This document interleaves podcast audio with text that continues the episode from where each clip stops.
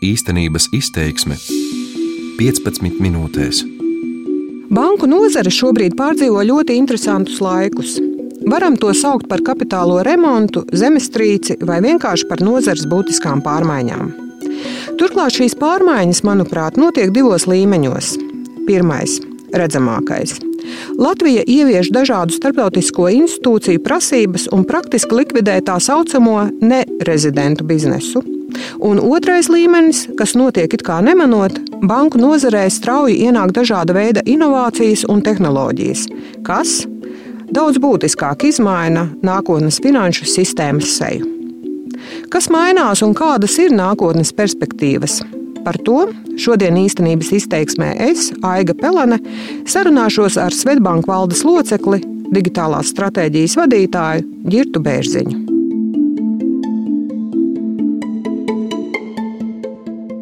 Kā jūs raksturot šo laiku banku nozarē? Manuprāt, jūs ļoti precīzi atzīmējāt šīs divas galvenās lietas. Ir viena, protams, varētu teikt, ir tāda regulu un direktīvu viesuļvētra, kas nāk pāri banku sektoru. Un, protams, bankām ir jāpieliek diezgan ievērojams pūles, lai nodrošinātu atbilstību. Bet uh, otra uh, viesuļvētra, kas varbūt ir mazāk uh, manāma, uh, bet iespējams pat ar lielāku ietekmi, ir šī, nu, kā mēdz teikt, ceturtā industriālā revolūcija. Un tā ir būtībā informāciju tehnoloģiju revolūcijas otrais posms. Ja mēs pirmajā posmā runājam vairāk par pakalpojumu automatizāciju, ja, ka mēs varam tagad izmantot eh, internetbankas, jau mums vairs nav jādodas uz banku filiālēm. Tad šī otrais posms veidojas no tā, ka tehnoloģijas kļūst pašmācošas, pašattīstošas un principā pakalpojums var sākt nodrošināt nevis automatizēti, bet autonomi. Tas skan ļoti sarežģīti, bet dzīvē tas izpaustos ļoti vienkārši. Ir jau situācijas, kur to jau var sastapt. Piemēram, ja jūs lietojat Uber vai šādu veidu pakalpojumus, Jūs izsaucat automašīnu, jūs eh, nogādā uz vajadzīgo punktu, un jūs varat kāpt ārā, un jums nav vairs jāveic norēķins. Ja? Jums eh, norēķins notiek automātiski, tāpēc ka gudrās tehnoloģijas zina, par kādu summu jūs vienojāties, eh, pakalpojumu sākšanas vietu, pakalpojumu beigšanas vietu, un jums vairs nav jāveic kaut kāda klikšķināšana, apstiprināšana, ja šī pakalpojuma kļūst neredzama. Bet tā ir tikai viena izpausme banku sektoru. Eiropā liels pārmaiņas eh, skāra šī gada 14. septembris. 14. septembris ir datums, kad Eiropā stājās spēkā maksājuma otrā direktīva, un šī direktīva paredz to, ka bankām savi pakalpojumi ir pēc būtības jāstandartizē, un jebkuram, kurš var šos pakalpojumus paņemt un iebūvēt savos pakalpojumos. Tātad var veidot eh, kombinācijas tādas, kādas līdz šim pat nenāca prātā, un kas ir galvenais, ka lai izmantotu banku pakalpojumus, vairs nav noteikti jādodas uz pašu banku, pat ne uz pašas bankas aplikāciju. Jūs varat izmantot citu risinājumu, kurā šis bankas pakalpojums ir automātiski autonomi iebūvēts. Nu, piemēram, norēķināties ar telefonu vai Jā, pakalp... ar čipu rokā vai kā. Jā, tas vēl tas nav tik tālu. Tik tālu vēl nav, bet tas tieši paver šīs durvis eh, šīm nākotnes tehnoloģijām. Jebkurā uzņēmē darbības nozarē, jebkurā pakalpojuma saņemšanā, protams, aizmugurē ir šis norēķina mehānisms. Un šobrīd, ja jūs izmantojat pakalpojumu, lielākajā daļā situāciju jums ir jāveic kaut kāda atsevišķa darbība. Jūs ejat uz veikalu, jūs sakrāmējat pirkums groziņā, tad jūs dodaties pie kases un tad jūs nopūšaties. Tagad man ir jākrāmē ārā, jo tikai tāpēc, lai saprastu, ko tad jūs esat tajā groziņā salikuši un jāveic šis norēķina moments. Šī standartizācija un pakalpojumu iebūvēšana nodrošinās to, ka jūs varat doties uz veikalu, sakrāmēt eh, lietas groziņā, doties ārā pa, pa durvīm, un apsargs jums pakaļ neskries, eh, jo tiks identificēts, kas tad ir tās preces, kuras jūs esat groziņā salikuši. Protams, droši vien ir kaut kāda vārtiņa, ja, kuri atverās vienkārši, ka šis maksājums ir, ir noticis. Un tā nav zinātniska fantastika. Tāds uzņēmums arī pie mums pazīstams kā Amazon jau arvien vairāk šādus veikalus sāk piedāvāt Amerikas Savienotajās valstīs un Anglijā. Un es domāju, nepaies ilgs laiks, nebūs šīs kases, kur mums vajag pašiem skanēt, bet mēs vienkārši paņemsim lietas, ko mums vajag, un norēķini kļūst nemanām. Tad līdz ar to bankām, protams, ir šis izaicinājums savus pakalpojumus pielāgot, lai jūs kā konkrēts bankas klients varētu izbaudīt šīs ērtības. Ja banka to nepielāgos, tad uh, visdrīzāk klients sāks prasīt, kur tad mana banka ir un pēc kāda laika sāks izmantot alternatīvas pakalpojumu sniedzējus. Pavisam nesen Latvijā jau divas bankas apvienoja savas internetbankas. Principā tas nozīmē, ka es ieejot internetbankā, redzu abus šos kontus vienā internetbankā. Jā, tas ir tāds pirmais priekšvēstnesis, ko jūs sākat jau Jā, redzēt. bet vai tas arī nenozīmē to, ka principā vairs nav svarīgi, kuras bankas klients es esmu? Ļoti precīzs novērojums. Būtībā, kas notiek, ka banku pakalpojumi sāk nodalīties no banku šiem kanāliem. Nav svarīgi, kur jūs dodaties, šis pakalpojums ir pieejams un ir sasniedzams. Īstenībā līdzīgi tas ir noticis daudzās citās nozarēs. Vienkārši tagad ir pienākusi kārta banku nozarei. Tāpat mēdīju nozare. Agrāk ziņas tika producētas konkrētā mēdījā, un tikai šajā mēdīju kanālos šīs ziņas bija sasniedzamas. Tagad Latvijas rādio ziņas var izmantot gan kā podkāstus, gan citur. Tātad šī produkta radīšana tiek nodalīta no šīs izplatīšanas. Lietuvā darbība sācis pirmais neatkarīgais bankomāta tīkls medus. Tas ir arī no šīs pašas sērijas. Šī ir drīzāk pazīme tam, ka skaidrs naudas īpatsvars sāk ekonomikā samazināties.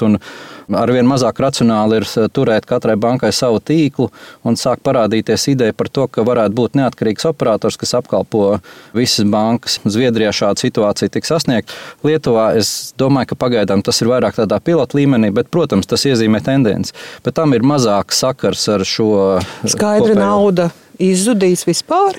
Kādas ir jūsu prognozes? Oh, šis ir labs jautājums. Ir skaidrs, ka skaidra nauda nebūs mūžīga. Un, tās mana sajūta ir, ka skaidrā nauda, kādu mēs esam pieraduši redzēt, izzudīs tad, kad parādīsies varbūt jauna veida nauda. Un ko es šeit domāju, ka e, šī brīža norēķini tomēr ir, kā mēs sakām, vairāk digitalizēta nauda, ja, bet tā nav digitāli dzimusi. Mēs joprojām spēlējam starp šo skaidro naudu, bezskaidro naudu, un visam pamatā ir kaut kāds centralizēts reģistrs vai bankas, kur jūs esat aiznesuši naudu, bet uh, ir pirmās pazīmes, ka sāk veidoties digitāli dzimusi nauda. Piemēram, Facebook nauda Libra. Eh, piemēram, Facebook, jā, līdz šim varbūt tas bija tā mazāk pamanāms un ar mazāku ietekmi, jo tie bija nu, tādi mazāk pamanāmi spēlētāji. Nu, protams, Bitcoin grūti nosaukt nu, jau par mazāk pamanām, bet, protams, Facebookam ir daudz, daudz lielāka ietekme pievērst uzmanību. Es, atklāt sakot, nedomāju, ka Facebook būs tas, eh, kam šis pasākums izdosies, jo ir viens ļoti būtisks elements, kas ir naudai nepieciešams, tā ir uzticamība. Ja? Un eh, Facebookam ir zināms izaicinājums šobrīd ar to bet kad varētu parādīties tas skaidrās naudas nogalinātais, varētu būt piemēram tajā brīdī, kad um, valstu centrālās bankas sāk veidot uh, piedāvājumu digitālai naudai, kas ir balstīta uz šo jauno blokķēdes uh, tehnoloģiju. Un tā nav vairs fantāzija, ir atsevišķas centrālās bankas, kas to ir pieteikušas. Kuras? Ir Zviedrijas centrālā banka, kas atklāti saka, ka viņi ar šo nodarbojās un, un skatās, kā tas ekonomikā varētu izpausties. Starp citu, arī Krievijas centrālā banka ar šādu ideju nodarbojās. Bet vairāk vai mazāk arī šai digitālajai naudai tā uzticamība ir tomēr tās konkrētās valsts ekonomiskā sistēma, kas ir apakšā.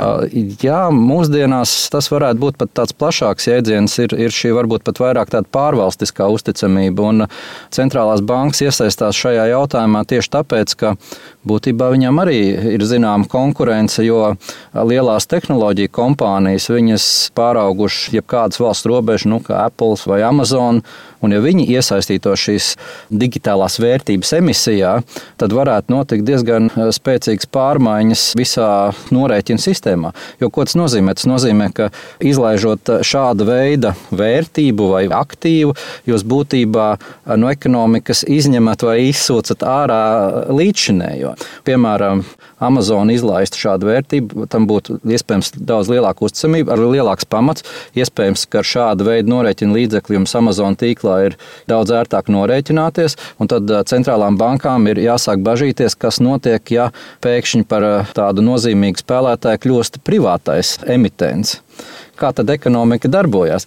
Jo atšķirībā no tagadējās digitalizētās naudas, sāk parādīties diezgan interesants jautājums, ka, ja jums ir šī brīža nauda, jūs, piemēram, noliekat bankā depozītā, tad veidojās tā saucamā banku nauda. Ja? Tad, tad pamatojoties šiem noguldījumiem, bankas var veikt finansēšanu. Savukārt, ja jums ir šī blokķēdes vērtība, tad vismaz līdzinējā koncepcijā tas pastāv tā, ka jūs visu laiku pārvaldat šo aktīvu, bet tas, kas jums nodrošina pakalpojumu, nu, piemēram, šo digitālo maciņu, viņš netiek klātā jūsu likviditātei. Līdz ar to tiek izņemta diezgan būtiska naudas masa no potenciālās finansēšanas. Tā kā šie scenāriji. Bet tad jau principā mainās vispār tā līdzšinējā arī ekonomiskās stimulēšanas visādi iespējamie tieši, pasākumi tieši, tieši, un tas, kā valstis var ietekmēt šo ekonomisko attīstību. Tieši tā, tieši tāpēc es domāju, ka, lai gan ir jau šie pieteikumi vairākus gadus, redzami, ka atsevišķas uh, valsts institūcijas darbojas ar šo ideju, pagaidām tas nav realizēts tieši tāpēc, ka tas var radīt tādu situāciju, kuru mēs varbūt nespējam īsti vēl saprast un varbūt pat negribam īsti pieļaut. Ja, tad ir jādibina jauna pasaules kārtība, ļoti iespējams nemiera laikos vienmēr cilvēki tomēr ir uzticējušies ne gluži tam papīrītim, kas rokā, bet tādai vērtībai kā zelts, mm. dārgakmeņi un tā tālāk, kas ir vienmēr bijuši taustāmi, saprotami. Kas notiek nemiera laikos ar šo digitālo naudu? Jā, tas ir saka, miljonu eiro vērts jautājums. Šis jautājums varētu arī būt viens no cēloņiem, kāpēc šāda digitālā nauda varētu īstenībā parādīties. Jo šī brīža digitalizētās naudas izaicinājums ir tāds, ka, lai šo naudu pārvaldītu, jums ir nepieciešami centralizētas datubāzes, centralizēta šī naudas pārvaldība. Ja tie notiek uzbrukums uz šo datu centru, būtībā var tikt ļoti nopietni paralizēta ekonomika. Savukārt, ja ir šī blokķēžu vērtība, tad viņas būtība ir tāda, ka viņa var pastāvēt ļoti noturīgi. Principā viņi pat nevar īsti apstādināt vai izbeigt, jo viņas uh, uzturēšanā piedalās katrs sistēmas dalībnieks. Iespēja, protams, ja jūs iznīcināt visus sistēmas dalībniekus, bet nu, tad arī ir pasaules beigas, tad arī naudai nav jēgas. Tā kā viens no iemesliem, kāpēc varētu veidoties šāda digitālā nauda, varētu būt tieši šī uh, noturība pret potenciālām uh, katastrofām, potenciālām ietekmēm un tam līdzīgi. Mm -hmm. Cik Latvijā strādājošās bankas ir atvērtas šādiem jauninājumiem? Ir ļoti grūti vēl šobrīd spriest par katras bankas iekšējo eh, domāšanu, jo tas ir diezgan evolucionārs ceļš, bet eh, Eiropā tam ir arī zināms stimuls. Tā ir šī manis minētā maksājuma otrā direktīva, kas bankām piespiež atvērties, ja, kas bankām piespiež eh, nodrošināt to, ka, ja ir kāds pakalpojums sniedzējs, kurš uzskata, ka spēj labāk apkalpot klientu, kas var jau apkopot eh, kontu informāciju no vairākām bankām, kas var inicijēt maksājumus no vairākām bankām, tā ir tāda zināmā pārdzimšana, ja, jo veidojas pilnīgi jauna realitāte. Un eh, šī jaunā realitāte ir, protams, izaicinājums gan pašām bankām, gan arī īstenībā klientiem, jo klientiem būs daudz lielākas izvēles. Viņi varēs izvēlēties, kas viņiem ir varbūt ērtāka aplikācija, varbūt tā nebūs pat bankas aplikācija, kur viņš varēs pārvaldīt savus bankas kontus, bet tā monētas otra puse ir tāda, ka klientam atkal būs jāizvērtē, cik uzticams ir šis pakalpojumu piegādātājs. Ja līdz šim mēs zinājām, banka pakalpojums, tā ir banka. Punkts. Tad eh, šobrīd būs tā, ka banka pakalpojums, jā, iespējams, ka tā ir banka, kas to tur un atbild ar savu licenci, bet tas, kas šo pakalpojumu ir agregējis, tas ir citai regulācijai pakļauts klients. Un, protams, tas ir izaicinājums atkal gan pašam klientam spēt izvērtēt, vai viņš uzticās tam, un tas ir izaicinājums arī regulātoriem, kuriem līdz šim bija jāuzrauga tikai banka bankas, tagad viņiem būs jāuzrauga arī šie jaunie spēlētāji tirgu. Politiķi Latvijā ir gatavi šādam kapitālam remontam. Jā, tas ir droši vien jājautā pašiem politiķiem, jo es domāju, ka līdz šim 99% dienas kārtība politiķiem banku jomā ir bijusi nedaudz par citu jautājumu loku. Un šis jautājumu lokus, kas ir saistīts ar šiem atvērtajiem banku pakalpojumiem, tas tikai ienāk politiķu dienas kārtībā un arī regulātoru dienas kārtībā. Un mūsu bankas pieredze ir ļoti interesanta, jo mēs darbojamies kā nopietnas spēlētājs četros mājas tirgos. Un mēs redzam, ka tā interpretācija šai pat kā vienotajai direktīvai Eiropā ir ļoti atšķirīga dažādos tirgos. Un ko viens uzskata, ka šis pienākums būtu bankām jāveic, tas otrs uzskata, ka tas būtu jāveic šiem tehnoloģiju uzņēmumiem. Jā. Nu, ir ne tikai mūsu politiķiem šis jautājums jauns, tas ir visiem Eiropas politiķiem. Jauna tēma. Šodien īstenības izteiksmi veidoja Aiga Pelane un Kaspars Groskops. Paldies Bērziņa kungam par sarunu! Īstenības izteiksme 15 minūtēs.